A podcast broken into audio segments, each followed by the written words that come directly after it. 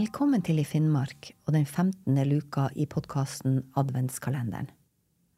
Hver morgen mot jul åpner vi ei ny luka i en kalender full av sagn og mystikk fra Nord-Norge. Historiene er samla inn og skrevet ned av Roald Larsen. Fortellingene er henta fra hans siste bok, Isgåten og andre oppsiktsvekkende fortellinger. Og jeg, Helle Østvik, leser direkte fra boka.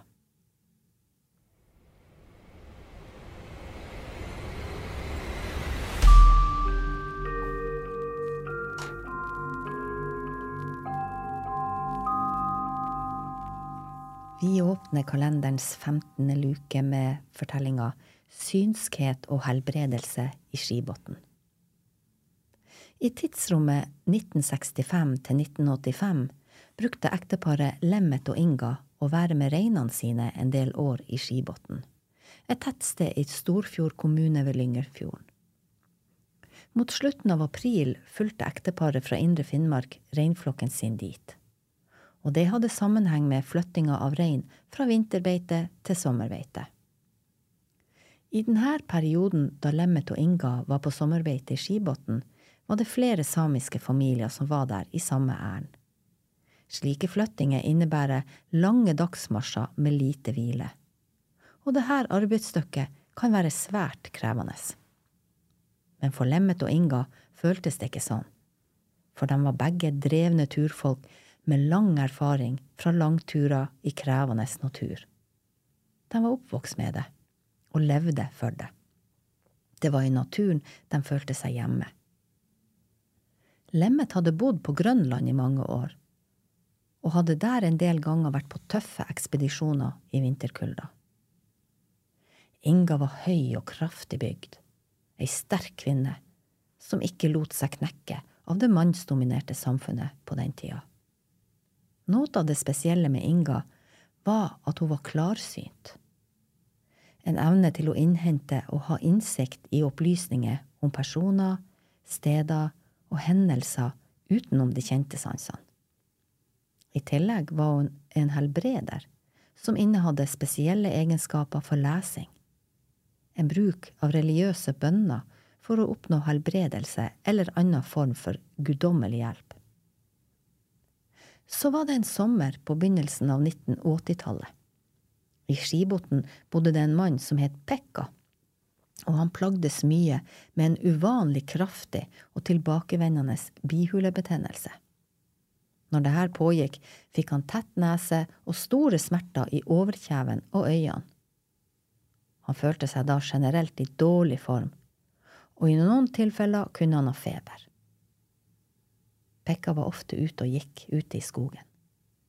En dag han var på en sånn her vandring, merka han at sykdomssymptomene kom tilbake med full styrke. Han fikk et ubehagelig trøkk over øynene og begynte å hoste. Mens Pekka sto der og følte seg mer og mer utmatta, tok han til å tenke på Inga. I likhet med en del av den lokale befolkninga hadde han opp gjennom årene prata mye med Lemmet og Inga, og han kjente dem godt.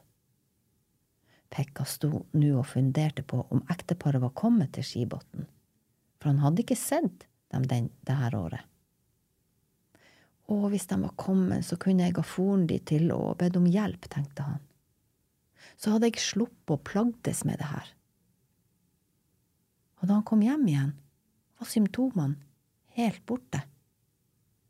Han var fin og kjente ingen smerter eller noen form for ubehag. Det var pussig, tenkte Pekka, for de her symptomene brukte jo å være plagsomme ei lang stund når de først var kommet. Tilfeldighetene ville det sånn at Pekka dagen etter gikk forbi plassen der Lemmet og Inga brukte å bo når de var på sommerbeite i Skibotn. Da så Pekka at ekteparet hadde kommet. Han tenkte med seg sjøl at han fikk gå innom og hilse på, sjøl om han ikke hadde noe ærend av noe slag. Da Pekka kom inn, ble han som alltid tatt godt imot av ekteparet. Inga serverte han kaffe og kake, og mens de satt der og hadde det hyggelig, sa Pekka til Inga, jeg tenkte på det i går. Å ja, det var du, jeg visste det var kjentfolk, det var du som hadde vondt her, sa Inga og så visste hun med handa hvor det var. Pekka nikka til det hun hadde å si. Men nå plages du ikke mer, sa hun, så nå tar vi kaffe. Så snakka de ikke mer om det, for hun satte punktum når hun sa at nå tar vi kaffe. Midt på åttitallet slutta Lemmet og Inga å komme til Skibotn. Det var mange på plassen som sterkt kom til å savne det her ekteparet. Men de regna med at nå var de nok blitt for gamle til å gi seg ut på sånne turer.